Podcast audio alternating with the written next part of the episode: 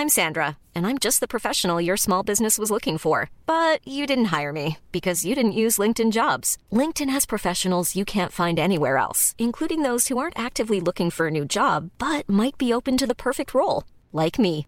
In a given month, over 70% of LinkedIn users don't visit other leading job sites. So if you're not looking on LinkedIn, you'll miss out on great candidates like Sandra. Start hiring professionals like a professional. Post your free job on linkedin.com/people today. Hey, it's Danny Pellegrino from Everything Iconic. Ready to upgrade your style game without blowing your budget? Check out Quince. They've got all the good stuff, shirts and polos, activewear and fine leather goods, all at 50 to 80% less than other high-end brands. And the best part?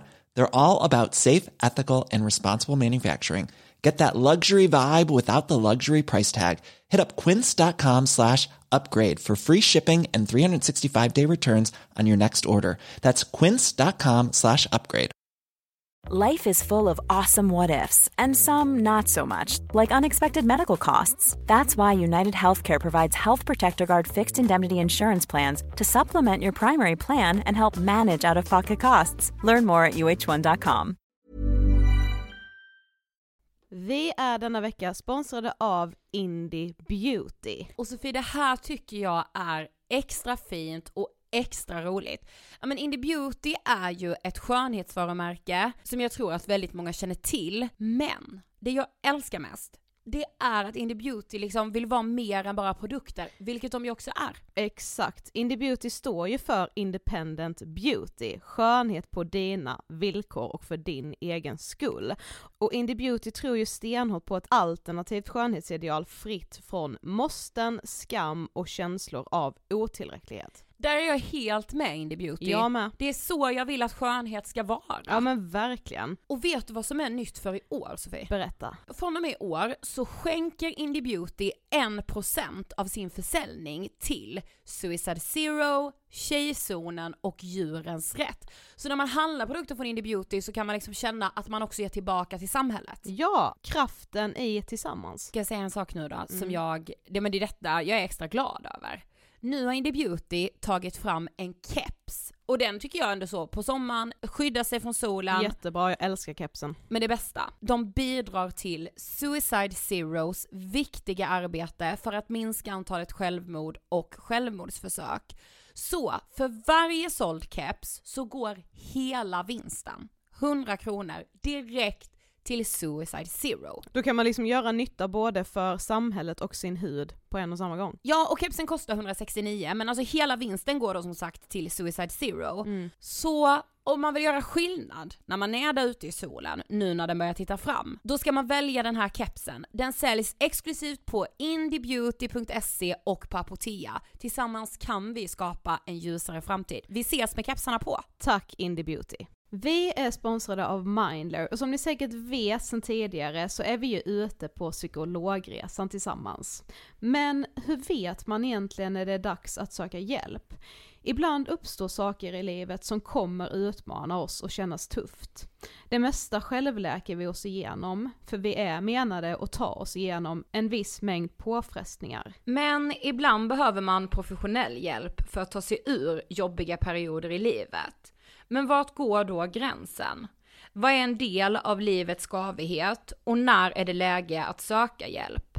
Det sägs till exempel att stress är farligt, men att också kan vara bra. Alla sover dåligt ibland, så när har man egentligen sömnproblem? Ångesten kommer väl krypande för de flesta någon gång. Så när ska man se ångesten som outhärdlig? Hur vet jag?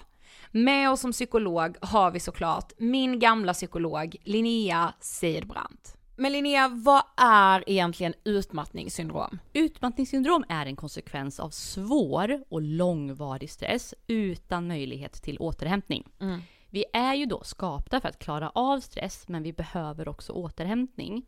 Om du utsätts för för mycket stress under en lång period utan att du får till den nödvändiga återhämtningen så kommer kroppen till slut att säga ifrån. Och det är faktiskt så att alla har en gräns.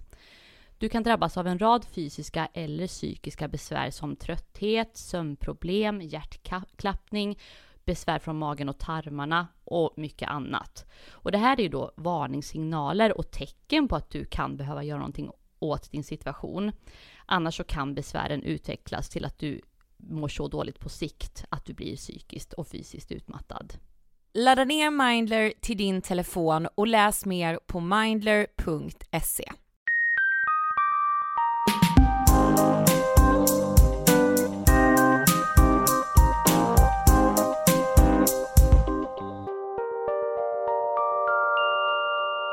Hej på er! Välkomna till avsnitt 364 av Ångestpodden. Hej och välkomna! Vi sitter tillsammans. Ja. Fan vad skönt. Ja, Alltså, det, jag hade omikron, I guess. ja det hade du. Och jag fick inte det. Alltså, ja. Ja, skit. Bla, bla, bla, bla, bla. Nej, alltså det finns ingen inte. vill höra, Nej, ingen vill höra. Så, kör. Folk har stängt av liksom. Ja. Mm. Eh, Jag vill faktiskt börja med ett serietips. Ja. Eh, som jag golvades lite. Det är en norsk serie som heter Bö. Mm. Eh, på norska heter den, Det är väl att den heter något annat på svenska? Heter den, är inte Bö det norska namnet? nej alltså det är det här som är så jäkla konstigt. Ja just det, ja. Den svenska översättningen har ett norskt namn. Ja men, ja men typ, alltså Bö. men vänta, alltså varför? Också när vi säger... Rådebank Ja just det! heter den på. Ja. Ja, men Bö. Och, och den vi, jag vet att vi kollade säsong ett, det handlar om liksom ungdomar i raggarmiljö, småstad, alltså jättehärligt att se något annat. Det är ju här- norska landsbygden. Exakt. Eh, och säsong två har jag och Emil kollat på och de skildrar självmord. På ett, jag, alltså det är jävligt tungt. Eh, och jätte liksom bra och skavigt och eh, känsligt. Jätte, jätte, jättebra skildrat skulle jag säga. Jag har inte sett det i populärkultur bland ungdomar innan. Shit jag måste säga, jag har ju sett första säsongen men inte andra. Måste Nej, man se. blir, alltså man kastas in i liksom, jag var helt chockad. Jag såg också att det kommer en säsong tre av den här serien nu. Ja. Eh, men, Det var ju synd men, man inte visste det eftersom man har varit isolerad i en hel vecka och mått piss. Ja, eh, men jag kan varmt rekommendera, finns på More. Ja. Eh, norrmännen känns så coola när det kommer till att våga göra saker. Normen har ju alltid gjort bättre tv än Sverige, förlåt. Ja, Men exakt. så är det ju. Ja, kanske dock inte när det kommer till dagens gäst och, och sådär. Det kommer vi till. Ja, Vi är denna veckan sponsrade av Mendley. det är vi. Och som ni vet vid det här laget så är ju Mendley appen som gör det möjligt att gå i chatterapi direkt i telefonen. Du och jag är ju lite allergiska mot så. Nyårslöften, nyårs... Ja, löften ska man inte ha. Nej. Mål kan man ha. Ja. Mm. Men ett löfte man borde ge sig själv, det är faktiskt att ta hand om sig själv, att lyssna på kroppen, på psyket, hur mår jag? Mm. Ska man inte bara ta tag i det nu Sofie? Det här är helt sjukt faktiskt, för jag hittade, jag fick upp du vet som minnen på Facebook Mm. som man kan få, eh, och hittade då, fick upp som minne ett gammalt blogginlägg som jag hade skrivit, typ Oj. runt den här tiden för så fem år sedan. Mm. Och det är alltid samma känsla som infinner sig för mig de här dagarna in på ett nytt år. Jag är så opepp då på på typ allt. Alltså Mm. jag mår verkligen inte bra i början av åren. Jag tycker det är jättejobbigt med nystart Ja, och med. allting Usch. sånt.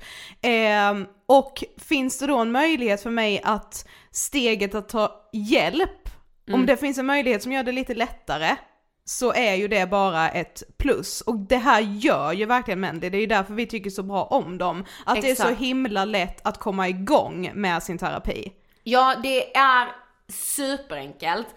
Och du får liksom en terapeut som du kan skriva till när det passar dig. Exakt, för när chatten väl är igång, då skriver du liksom när du vill och hur många gånger du vill. Och så får du svar tre till fem gånger i veckan. Exakt, och just det här med att terapin blir på ens egna villkor. Jag kan verkligen tycka att det är revolutionerande. Ja, och några av de sakerna som man kan söka hjälp för är ångest, oro, depression, stress, sömnsvårigheter, fobier, nedstämdhet eller OCD. Så om du känner att du behöver hjälp för att må bättre så kan du få den hjälpen redan idag. Du kan komma igång idag och det är alltså ingen väntetid. Ladda ner Mendley via App Store eller Google Play. Tack Mendley. Jo men på tal om tv-serier Ja. och att liksom eh, göra bra tv. Idag har vi med oss den eminenta skådespelaren och psykologen Ja, Hanna Ardén. ja, och de flesta känner nog igen henne från Störst av allt, alltså Netflix originalserie. Jag är alltså Netflix första svenska originalserie. Exakt. Och boken av eh, Malin Persson Giolito. Ja, och på tal om att skildra psykisk ohälsa som vi pratade om där om Bö, så alltså störst av allt skildrar ju verkligen alltså destruktiva relationer på ett sätt som psykisk är, ja, absolut, men ja, en otrolig serie. Ja, och när man såg den så blev man ju helt tokig i Hanna. Jag var såhär, vem är den här tjejen? Var liksom, ja men var kommer hon ifrån? Vad har tagit henne till den här rollen? Men det coolaste av allt är ju alltså att hon samtidigt har utbildat sig till psykolog. Hon är precis nyexad psykolog. Och när vi fick reda på det, då var Ja. vi så här: nej men vi måste mejla henne idag. Ja, Jag det så känns gu- ju nästan omänskligt att Ja. skådespela och plugga till psykolog samtidigt. Ja, det ska så- liksom inte gå. Nej men jag blev så glad när hon svarade. Ja. Alltså när hon var så här, ja jag kommer gärna och gästa er. Så det ska vi lyssna på nu. Ja. Vi rullar intervjun med Hanna Ardén. Varsågoda! Hej Hanna och varmt välkommen till Ångestpodden. Tack så jättemycket. Så kul att ha dig här. Ja men så kul att få vara med. Ja, fint. Du ska få berätta, vem är du? Eh, jag heter Hanna Ardén och jag är eh, ja, men legitimerad psykolog numera och skådespelerska. Gud, kändes det sjukt att få säga att du är legitimerad psykolog? Ja, alltså det är jättekonstigt. Jag fick legitimationen i augusti. Så slutet av augusti, så det här är jättenytt för mig. Wow. Ja. Hur går det till? Är det så här högtidligt att man går och hämtar legitimationen eller får man hem Nej. den på brevlådan liksom? Alltså nej det är inte ens det utan du, du gör, eller jag gjorde i alla fall via internet, man loggar in på Socialstyrelsen, laddar upp lite dokument och sen så några dagar senare fick jag hem en pdf där det stod att jag var legitimerad. Så jag bara, ja, det här var ju lite antiklimax liksom. Men, Fast ändå samtidigt att få det digitalt. Ja, Väldigt. man kan bara fylla i och liksom. ja, Ja. väldigt. Mm. Det är bra, inga döda träd i alla fall. Nej, precis. Okej, du ska få Ångestpodden-frågan. Mm. Eh, vad tänker du på när du hör ordet ångest? Alltså jag är lite så här tråkig kanske men jag tänker så här fysiologiska påslag Ja. i kroppen, så här stressreaktioner Ja. typ. Ehm, ja, reaktioner på så här, någonting som man, antingen en faktisk fara eller något som man bara tänker är en fara. Mm. Så. Du är uppväxt i Danderyd. Nej, äh, Åkersberga. Okej. Ja. Varför stod det Danderyd? För vi, alltså visst, jag hade gjort det i någon annan intervju du har gjort. Då, Nej, stod, då, ja. det, då stod det Danderyd och så var, och men sen så tror jag det stod Åkersberga i någon annan. Ja. Men så var det att vi, vi bara, men ja, nu skriver vi Danderyd. Nej men jag är född på Danderyds sjukhus. Jaha. Så jag vet inte om det har liksom kommit någonting därifrån. Ja, Ja. Men, men så här, jag har ju alltid bott i typ Österåkers kommun Mm. och så har jag gått i skola i Täby. Så att jag har liksom vistats Rört norrort i alla fall. Ja, precis. Mm. Men Åkersberga, alltså innan när jag flyttade till Stockholm jobbade jag på H&M i Åkersberga. Så jag känner verkligen till Åkersberga. Ja, Ja, det är, ja. mys. Men hur ser du tillbaka på din uppväxt? Alltså jag ser ändå tillbaka på den som väldigt bra. Men nu vet jag inte om jag är så här, alla har ju så här saker som har hänt. Så mina föräldrar har gift sig och skilt sig två gånger från varandra. Så det är lite så här, Mm. ja lite så här, och vi har flyttat väldigt mycket när jag var liten. Men det är ingenting som jag ser som någonting så här äh, jättetraumatiskt. Nej, liksom. eller självklart har det väl påverkat på något Ja. sätt. Men jag ser det inte som något så här traumatiskt som eh, som vissa an- för jag vet att vissa kan ju verkligen så här påverkas ganska stort av sina föräldrars skilsmässor. Mm. Men så beror det väl lite också på hur mycket bråk det är och liksom hur Ja. uppbrottet sker tänker jag. Mm. Eh, och vad som har hänt liksom innan och under och efter och hela den biten. Men för min del så har det ändå funkat väldigt bra. Och jag tror att det är för att jag har haft liksom föräldrar som, som har varit ja, men, väldigt funktionella i det liksom. Mm. Sen finns det ju skäl till varför mamma och pappa skilt sig två gånger. Mm. men, men de passar väl inte så bra ihop. Men eh, de har ändå alltid försökt se till så att vi barn har haft det så bra som möjligt i skilsmässan och verkligen försökt lyssna på oss. Här, vad, Ah. vad behöver vi? Mm. Eh, om vi ville bo hos en förälder eller flytta mellan, det fick vi välja själva. Så de har Ja. varit väldigt så här, det här är, nu är det ni som bestämmer. Så. Mm. Ja. Ja men så, det tänker jag också att sådana saker spelar ju jättestor roll. Mm. Eller om det liksom bara, om man bara rycks upp och plötsligt såhär, nej men nu ska du bo med mamma eller du ska bo Mm. med pappa eller såhär varannan vecka och nu är det så. Än att liksom man som barn får vara med och bestämma själv.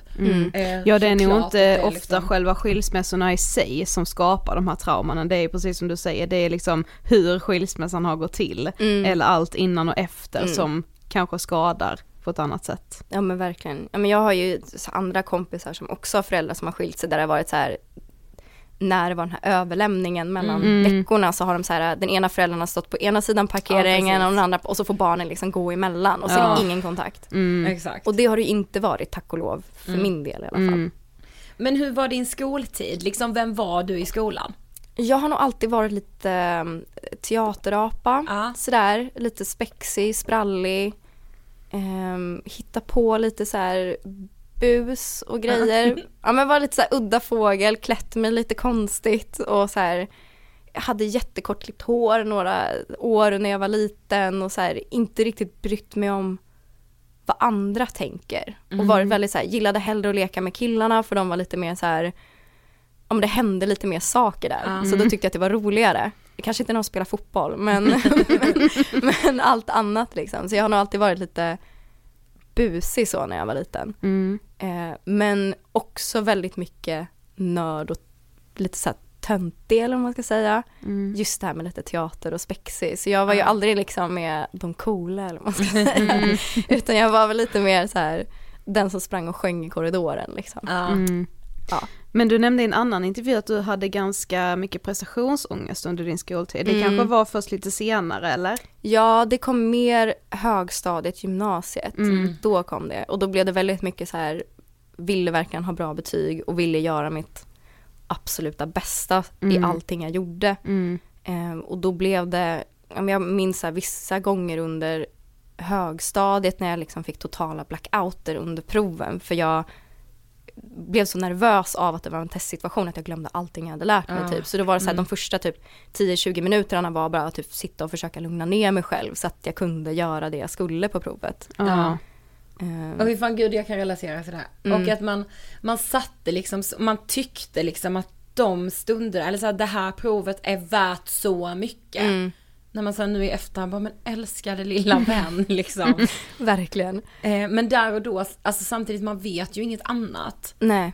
Eh, men ja, jag kan verkligen relatera till det. Mm. Men skulle du säga att, liksom att ha prestationsångest, att du har tagit med dig det liksom senare i livet? Eller alltså hur har du det med prestationsångest? Ja, alltså jag är nog väldigt, väldigt självkritisk och vill liksom göra mitt absolut bästa hela tiden. Men så fort jag har gjort någonting och har blivit klar med någonting så ser jag ju bara allting jag har gjort fel med det. Liksom, På vilket sätt det inte är bra nog.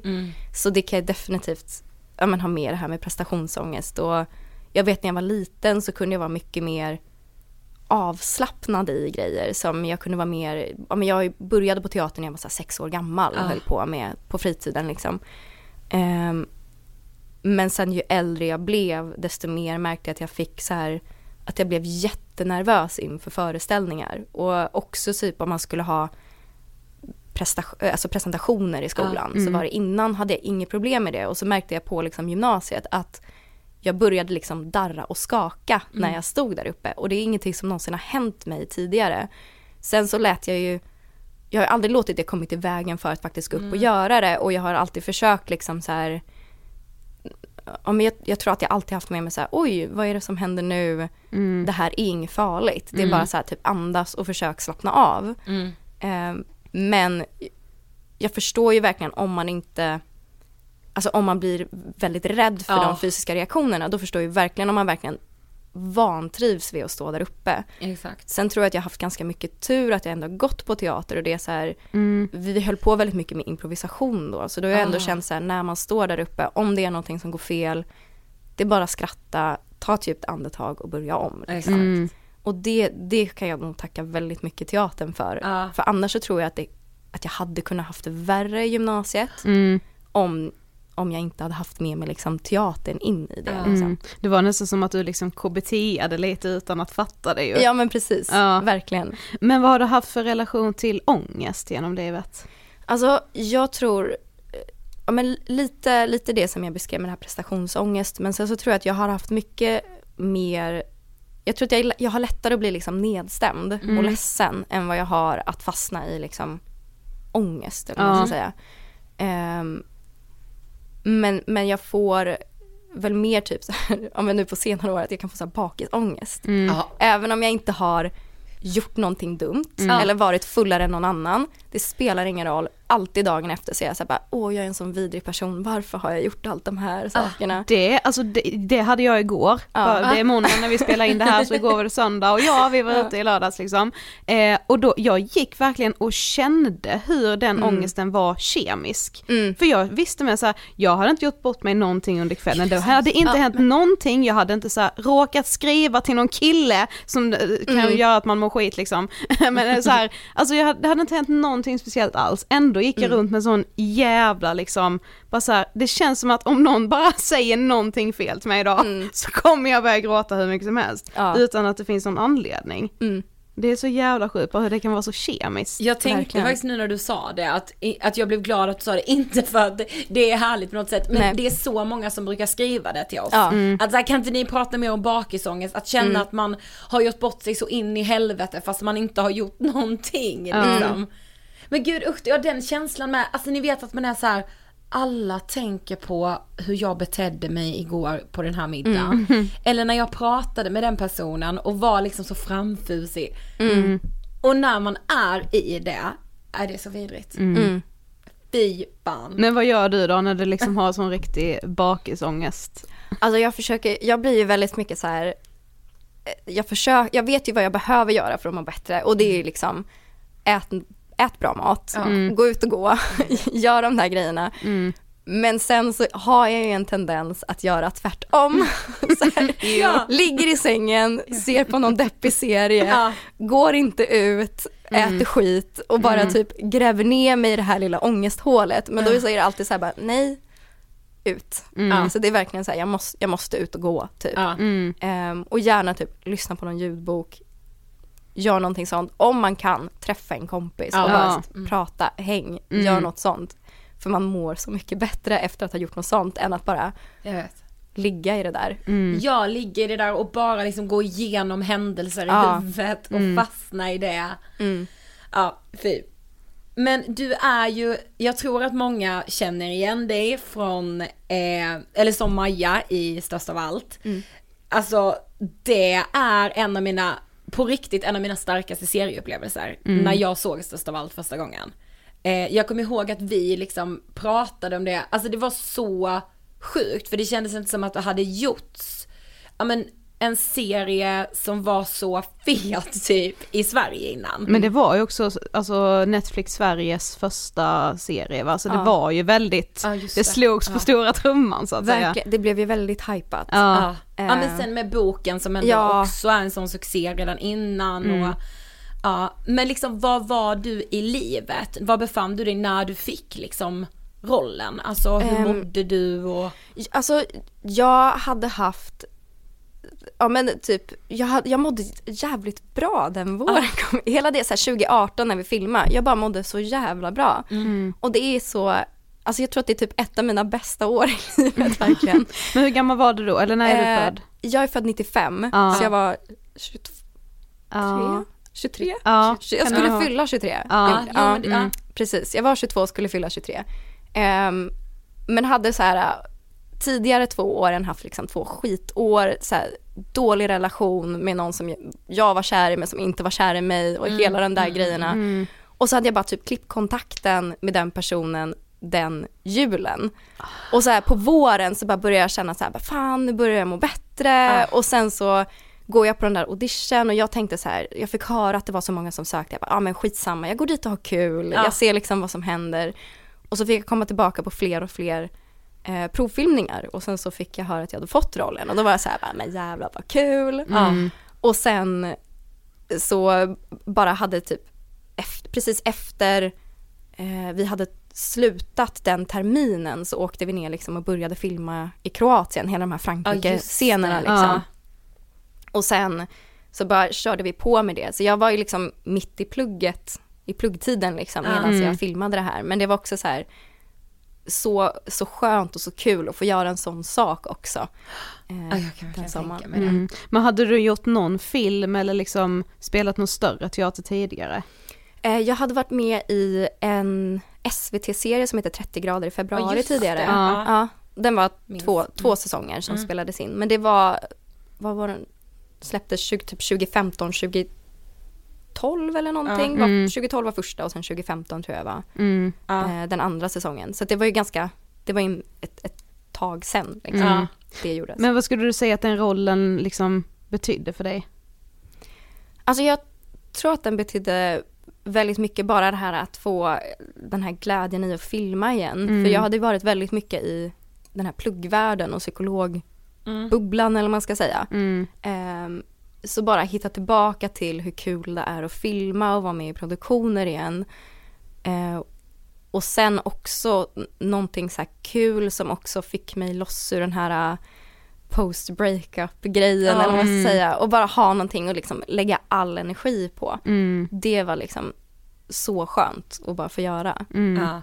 Men fattade ni innan, eller hade ni liksom ambitionen, alltså då tänker jag hela produktionen, av att störst av allt skulle bli så stort? Alltså kunde ni liksom föreställa er det? Ehm, ja, eller alltså jag tror att jag höll det lite borta från mig under hela inspelningen. Jag vet att ibland så nämner de så här bara, ah, Netflix finns ju i så här många länder och då var man så här, la la la la la. Ehm, Shit ja. ja, men jag, jag tror ju verkligen att man, jag såg att det var en, att det fanns liksom en, en annan, att det var en annan typ av produktion än det jag hade varit med om tidigare. Nu har jag bara liksom filmat lite andra saker tidigare som inte är riktigt på den nivån. Men det var ju väldigt många fler kameror och det var väldigt mycket mer statister hela tiden på grejer som vi gjorde.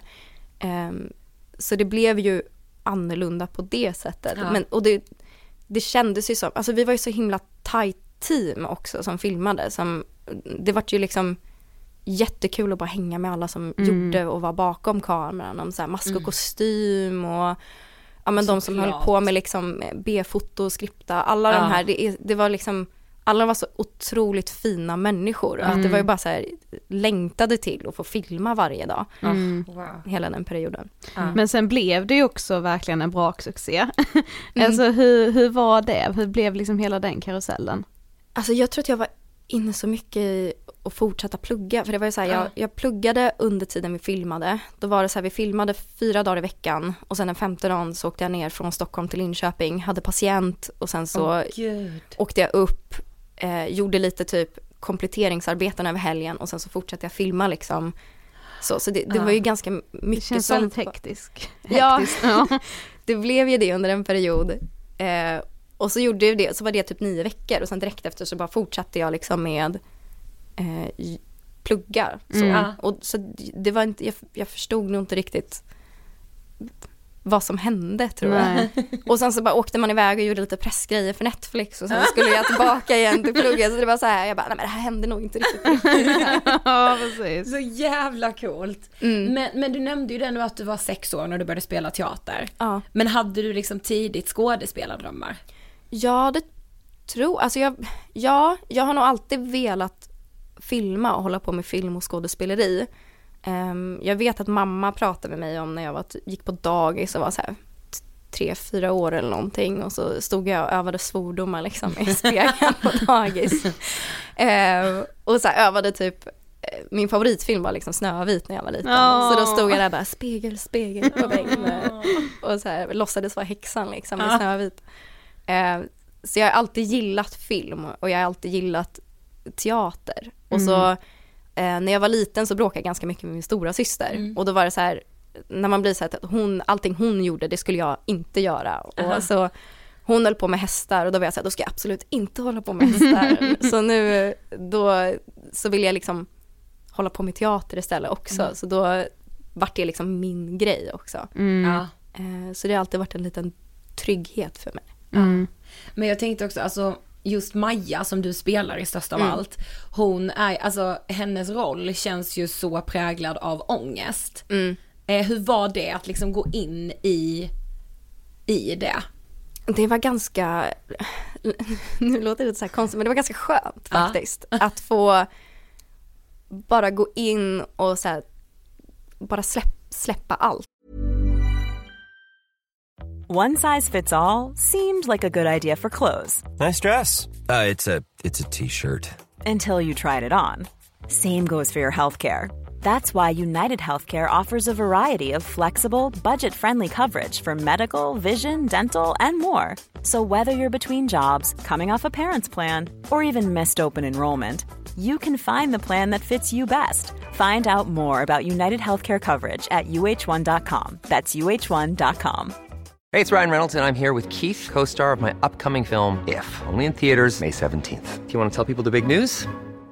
All right, I'll do it. Sign up now and you'll get unlimited for $15 a month in six months of Paramount Plus Essential Plan on us. Mintmobile.com slash switch. Upfront payment of $45 equivalent to $15 per month. Unlimited over 40 gigabytes per month. Face lower speeds. Videos at 480p. Active Mint customers by 531.24 get six months of Paramount Plus Essential Plan. Auto renews after six months. Offer ends May 31st, 2024. Separate Paramount Plus registration required. Terms and conditions apply if rated PG. Life is full of what ifs. Some awesome, like what if AI could fold your laundry?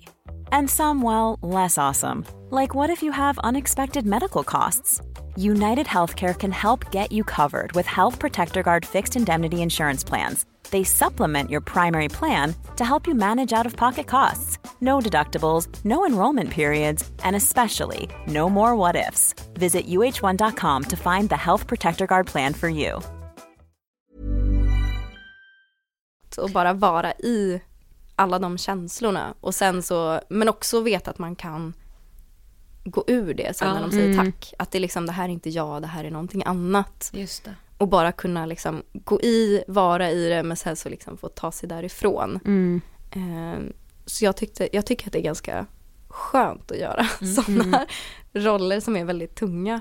ändå. Ja men det, det var ju också väldigt mycket saker i serien Mm. som man ju älskade men dels var det ju hela det här eh, också väldigt destruktiva relationen som ju Maja har med Mm. Sebastian. Mm. Eh, och just att man, jag tror att många tjejer, även om det liksom inte blir så extremt som det blir i serien, så kan man nog som tjej relatera till vad man faktiskt gör för en kille som Mm. egentligen inte är bra för en, men har man Mm. blivit kär så har man blivit kär Mm. och då går det liksom inte Mm. styra över det. Nej, och det är ju lite så här, alltså när man läser, eller nu i alla fall när jag pluggat psykologi så förstår jag liksom alla de här sakerna mycket bättre också. För det är ju lite det här, ja, men till varför man fastnar i de här destruktiva relationerna, det är ju för att det ofta är bra i början. Mm. Och då så har man ju de här bra grejerna.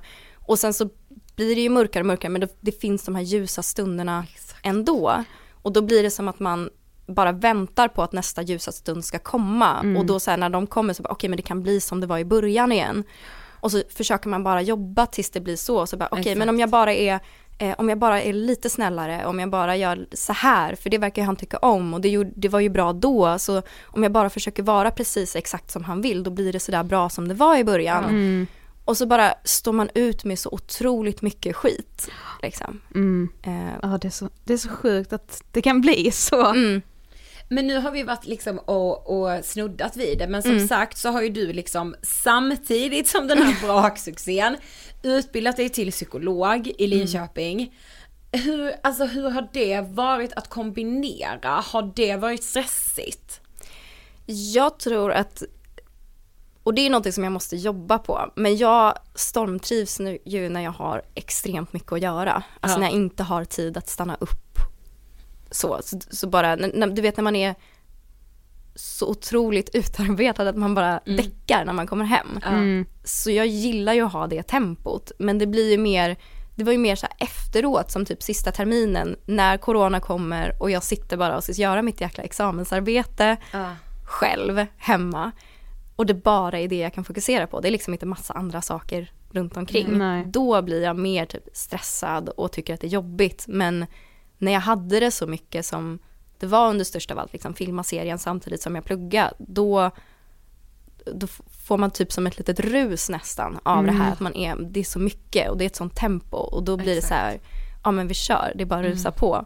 Så det är mer de här stunderna efteråt när det går tillbaka till det normala som är det jobbiga tycker jag. Mm. Men hur kommer det sig att du ville plugga till psykolog? Alltså det började med, jag gick där samhälle och beteendevetenskap Mm. på gymnasiet och så tyckte jag att psykologi var kul där. Och jag började med det lite för att jag älskade när lammen tystnar liksom. För jag Ja. ville vara Clary, Clary Starling liksom. Mm. Och, eh, vara som hon. Jag, jag minns att första gången jag såg filmen så, vill, så vill jag typ flytta till USA och börja jobba för FBI. Vara populerare så. Eh, så då, då, när jag började plugga det på gymnasiet tyckte jag att det var så kul och sen så tänkte jag okej okay, men jag vill fortsätta plugga någonting på universitetet och då är det väl lika bra att plugga psykolog än att bara typ ta kurser i psykologi för då ja. har jag liksom en, ett, ett färdigt yrke eller man kan mm, säga. Mm. Um, och utan att riktigt veta om jag ens ville vara, sitta och ha terapier. Mm. Så. Um, så då började jag, fortsatte jag bara plugga till psykolog och sen så har jag märkt liksom att jag tycker att det är väldigt kul. Mm. Uh, både göra typ utredningar som så här, neuropsykiatriska utredningar mm. eller för, för, annat liksom. Men också det här med terapi och samtal. Mm. Ja men vad har varit, alltså för vi tyckte det var så kul med att ha någon i podden som dig som är så nyexad. Mm. Eh, för många som vi har träffat som är forskare eller så, men så har de ju tagit examen för så 40 mm. år sedan. Ja. men vad har varit mest intressant att liksom lära sig när det känns som att ändå samtiden pratar så mycket om liksom, ja men psykisk hälsa, psykisk ohälsa. Ja, alltså jag tycker att det är jättebra att ämnena tas upp, mm. verkligen. Och jag, jag, tycker att det är, det är så viktigt att belysa det här med psykisk ohälsa och det är ju, vi är ju ett samhälle som, folk blir ju mer och mer stressade idag mm. och det är ja men nu som det har kommit ut liksom rapporter som visar tydligt på hur Instagram påverkar Exakt. ungdomars mående av att hela tiden se de här perfekta bilderna mm. och allas perfekta liv och hela den biten. Men, men samtidigt så kan jag bli lite orolig när det är som att eh, vissa typ psykologiska termer eller saker, att, det, att det, de begreppen används lite för lätt ibland ja. också. Mm. Som till exempel att nu så har man börjat prata om liksom de här, om, en, om man tänker TikTok typ, att ja. allting är så jäkla toxic och alla, om det är så bara, ah, om någon gör så här, då ska du inte vara kompis med den och ja, du måste vet. skära bort den ur ditt liv. Ja. Och man bara nej men alltså vissa saker, självklart ska man inte tillåta sig själv bli dåligt behandlad. Mm. Men bara för att någon inte håller med dig betyder inte att det är en toxic person. Nej. Exakt.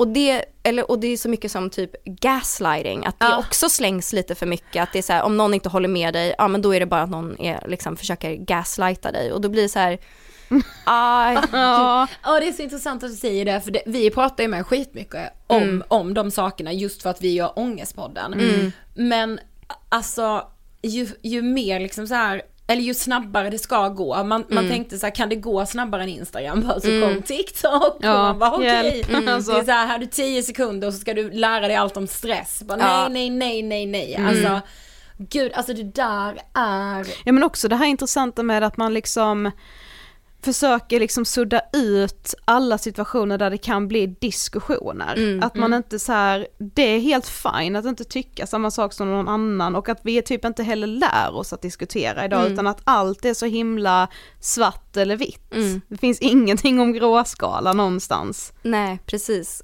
Och, och jag blev, det finns en, eh, en, kom, en brittisk komiker som heter Russell Brand och mm. han har Eh, ja, men han har lite så diskussioner med folk i en podd som han har och det finns på YouTube och sånt mm. där också. Men då har han verkligen personer som tycker helt olika från honom och så mm. sitter de och har liksom en dialog och ja. pratar med varandra. Och det är så konstigt att se hur folk kan ha en lugn diskussion mm. oh. men inte liksom vara överens om saker och hur oh. det ändå är okej. Okay. För idag får det inte vara så. Nej, liksom. precis. Och, och det tycker jag är lite synd att det har kommit till det. Och sen så självklart finns det ju saker som man inte ska kompromissa ja. om. Som så här mänskliga rättigheter och sånt. Det ska, alltså det ska, Självklart. Ska man, mm. Precis, men, men många andra saker, det behöver inte vara svart eller vitt. Utan det finns, det är så himla, det är ett stort spektra av färger ja. som finns liksom. Mm. Och det är så sant och att också det känns som att, alltså alltså vår generation på ett sätt men också yngre generationer att man allt som skaver måste bort. Mm. Och man bara men så kommer ju inte livet vara, det kommer ju skava så in i helvete. Mm. Varje vecka, mm. alltså varje dag kommer någonting mm. skava, det är ju inte farligt. Nej, nej. det är eh. inte psykisk ohälsa heller. Nej det, nej. det är ju definitivt inte. Nej. nej men jag menar livet är ju, att leva är att lida, det är väl ja. lite så det är liksom. Ja. Och då är det, och jag tycker också att det är så himla dåligt att man säger hela tiden att man ska sträva efter att vara lycklig. Mm. För lycka är en övergående känsla. Ja. Mm. Den kommer och går. Sträva efter att vara nöjd istället och ha liksom att du har ett så här, du har ett, en baseline som är bara välmående. Att du är Mm. Nöjd, du är hälsosam, du är välmående. Och sen så kommer det komma stunder som är skitjobbiga, som har ångest. Det kommer komma stunder där du är asledsen. Men det kommer också finnas stunder där du är superlycklig och glad. Mm. Exakt. Och det är en del av livet, att Mm. det får vara lite så här olika. Och sen så är det ju också så här att olika individer känner känslor också olika starkt. Mm. Och det är också helt okej. Du behöver inte vara som alla andra. Bara för att vissa personer känner någonting superstarkt när de gör någonting, behöver inte det måste inte vara så att du också ska känna på samma sätt. Nej, exakt, precis. exakt. Och bara för att någon inte visar känslor på det sättet som du gör så Nej. betyder inte det att den inte känner lika mycket som Nej, du. precis. Nej. Men pratade ni mycket om de här fenomenen under utbildningen? Vi alltså har väl pratade ni mycket om sociala mediers påverkan och inte jättemycket faktiskt och det är lite synd tycker jag ändå. Eller vi har väl kommit in lite på dem men det är mer eh, Vi har väl mer haft så här diskussioner om typ eh, känslor och sånt och så, så, det finns ju olika skolor inom psykologin, alltså som så KBT eller PDT eller hur, vad man liksom vill rikta in sig inom. Men många gånger, kontroversiellt, men jag tycker ju att man jobbar ju lite efter samma sak, bara det att man har olika begrepp för Ja, samma sak. Det är mycket så här, man jobbar mycket med känslor, att man måste typ lära sig att hantera de känslorna man har och reglera sina egna känslor. ja. Som så här, om du har massa ångest, hur gör du för att komma ner till en liksom lugn nivå igen? Mm. Och det är väl lite det man jobbar efter. Ja. Också det här i relationer, alltså hur funkar man i relationer och hur hanterar man det? Det är ju alltså, det är mycket det man jobbar efter. Mm. Och Exakt. Det är ju bara det att nu har det blivit en ny dimension på det i och med att det är de här sociala medierna och alla relationer är inte liksom fysiska Nej. utan det är liksom som, det är en helt annan, ett helt annat plan. Men det är ju samma liksom mekanismer ändå som finns som ja, men tonåringar har, eh, eller alla människor har liksom i sin hjärna att när vi känner oss bortstötta eller ehm, utkastade liksom, eller vad ska jag säga, från grupper, då reagerar vår hjärna som den gör när vi blir fysiskt skadade liksom, att det är samma smärtcentra som aktiveras. Bara det att när man blir äldre, då har man liksom de här frontala delarna i hjärnan som har med typ logiskt tänkande, Ja. rationalisering och sånt där. De kan reglera ner de jobbiga känslorna. Men det man, kan man inte göra på samma sätt när man är tonåring. Så att det känns mycket, mycket jobbigare att bli ratad eller att känna sig utanför som tonåring än man gör när man är vuxen. Ah. Men gud det är så intressant. Ja. Mm. Och då blir det ju också därför det är så himla viktigt för ungdomar att ha många likes på bilder och sånt där. För när man är vuxen så är det, kan man ju rationalisera genom att tänka så här, okej, jag får kanske inte jättemycket likes på Instagram, men det spelar ingen roll för jag har kompisar och familj som älskar mig ändå och ser mig för den personen jag är. Medan för tonåringar så är det så här, alla andra får så många likes, varför får inte jag det? Jag passar inte in, jag är utstött, ingen tycker om mig. Alltså så här, det blir så mycket jobbigare, Ja. de känslorna Ja. och de tankarna. Oh my god det är så intressant ja. Och ja men det är så ja. coolt, låter typ fel ord att säga men det är ju, man måste förstå hur mycket det är som sitter i hjärnan liksom. Ja, ja, Ja. gud ja. Mm. Men har du kunnat använda dig av liksom psykologin i skådespeleriet? Ja, det tycker jag. Alltså, dels för att jag bara har lärt mig väldigt mycket om mig själv och hur jag funkar. Men sen också det här att både skådespeleri och psykologi är ju egentligen ett, int- ett intresse för människor. Och att förstå människor. I skådespelet är det ju mer typ att gestalta en annan person. Och att så här förstå att ja, men i skådespeleri så pratar man lite om det här, man, var kommer jag ifrån, var är jag nu, vart är jag på väg? Och det är ju lite samma sak inom psykologin också, att man tittar på, ja men, var kommer den här personen ifrån, hur ser det ut just nu, vart vill du sen? Alltså vad är din liksom riktning i livet, vad vill du i framtiden?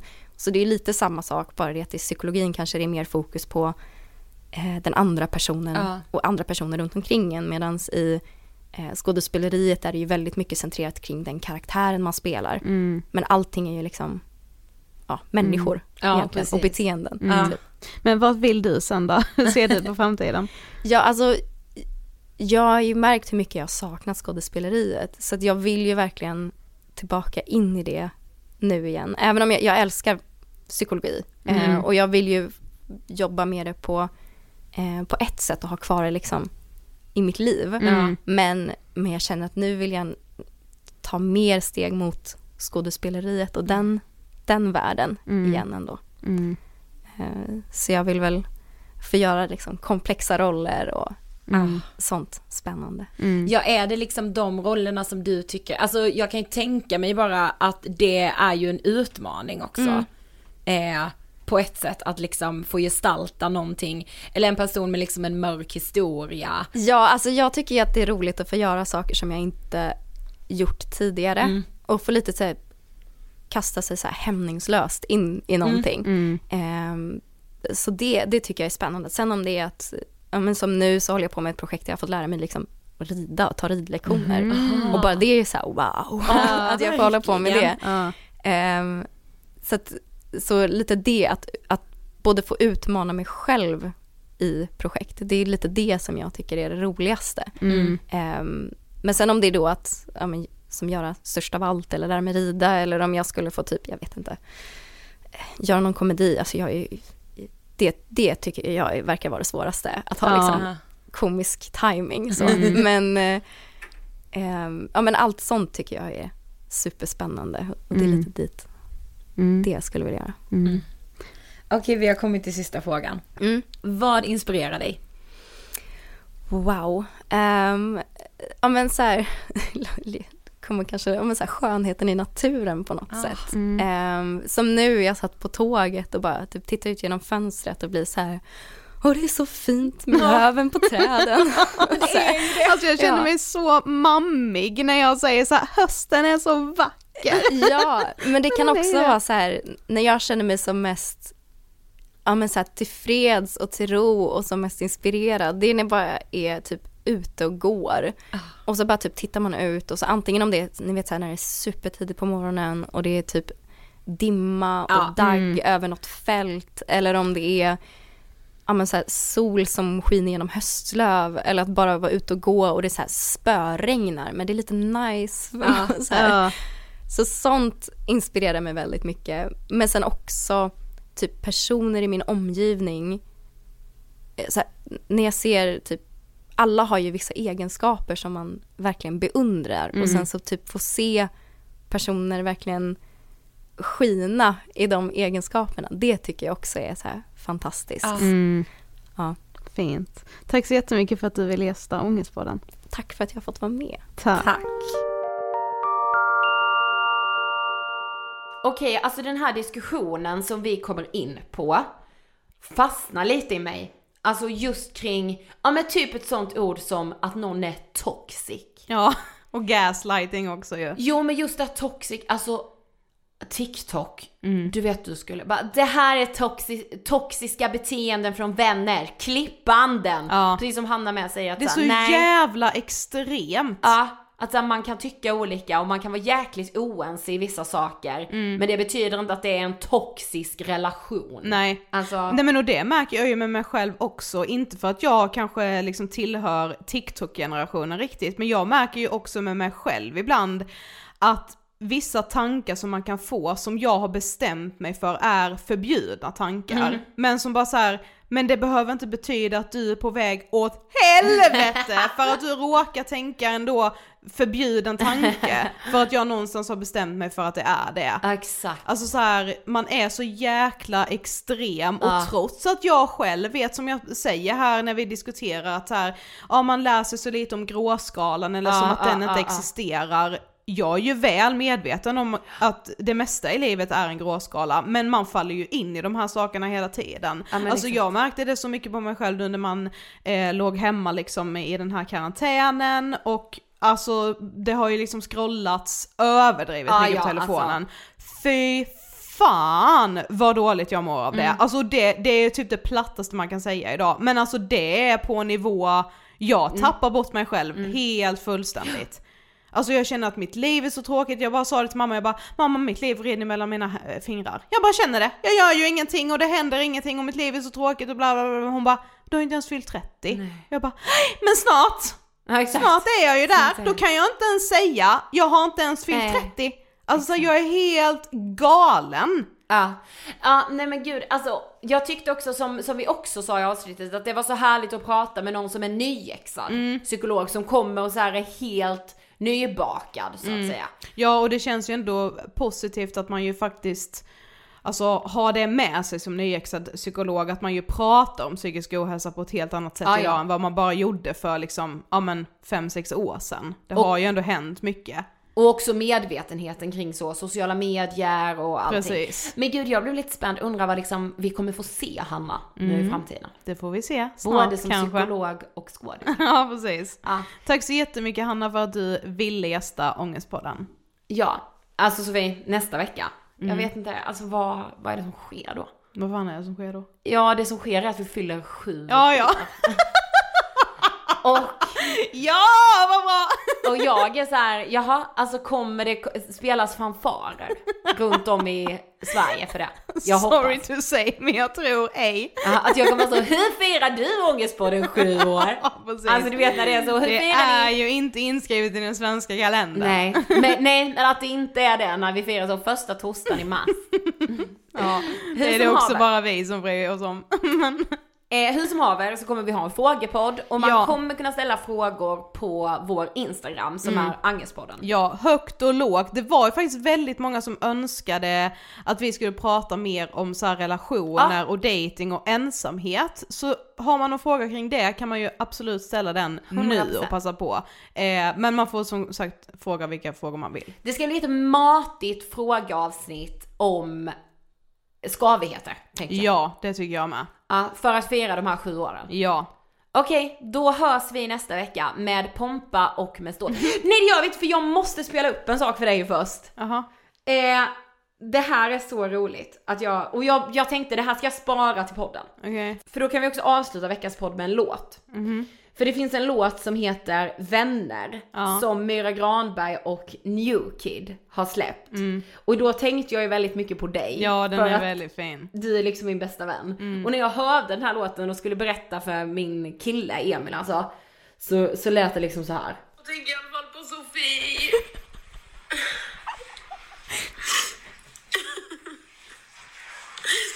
Du vet när, de, när han säger med bara en man kan ringa på natten som aldrig säger vad var det jag sa. Vad mycket Emil, vad Emil så lagade mat. Alltså, men du vet det är liksom en hyllning till dig, alltså så, Ah, jag vet ju att du tycker sånt här är jobbigt men du vet jag blev så glad och tänkte på vår vänskap. Det var jättefint, då avslutar vi veckans avsnitt med den låten. Ja, ah, den är så bra. Okej, hejdå! Hej. Fattar du att jag levade så mycket, alltså det var med så, nu sitter man i karantän och mår Alltså ja. Vänner, jag har vänner runt ett bord på min födelsedag. Vissa vänner har varit här länge. Vissa kom när det började gå bra. Några av dem ger presenter. Andra vet inte att jag fyller idag. Här runt bordet sitter vänner som jag nog inte kommer ha kvar. Men bara en som tar ner mig på marken säger aldrig vad var det jag sa när du stannar med mig hela natten tills det dåliga blivit bra. Ja, precis som en vän ska vara.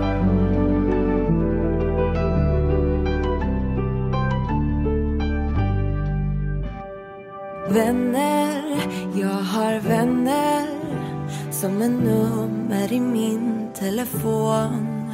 Vissa snackar jag med länge. Vissa hör jag knappt av på ett år. Vissa ringer, ber om tjänster. Andra ringer för att se hur jag mår. I telefonen finns det vänner där ett samtal känns så långt ifrån. Men bara en jag kan ringa på natten säger aldrig vad var det jag sa. När du stannar med mig tills jag lagt mig och det dåliga blivit bra. Och precis som en vän ska vara.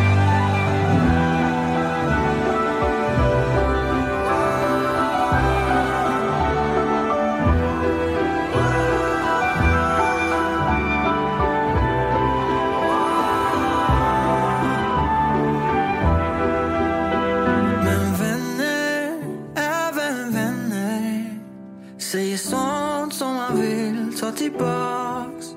För det händer ju att vänner glömmer bort hur en vän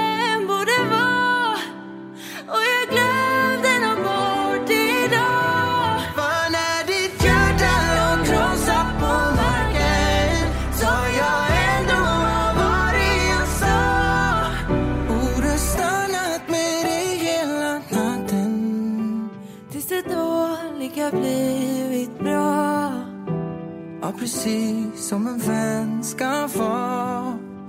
Jag var inte en vän idag.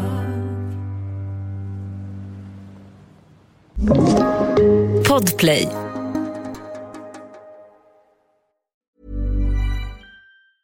Planning for your next trip? Elevate your travel style with Quince. Quince has all the jet setting essentials you'll want for your next getaway, like European linen, premium luggage options, buttery soft Italian leather bags, and so much more. And is all priced at 50 to 80% less than similar brands. Plus, Quince only works with factories that use safe and ethical manufacturing practices. Pack your bags with high-quality essentials you'll be wearing for vacations to come with Quince. Go to quince.com slash pack for free shipping and 365-day returns. Mom deserves the best, and there's no better place to shop for Mother's Day than Whole Foods Market. They're your destination for unbeatable savings, from premium gifts to show-stopping flowers and irresistible desserts. Start by saving 33% with Prime on all body care and candles. Then get a 15-stem bunch of tulips for just $9.99 each with Prime. Round out Mom's menu with festive rosé, irresistible berry chantilly cake, and more special treats. Come celebrate Mother's Day at Whole Foods Market.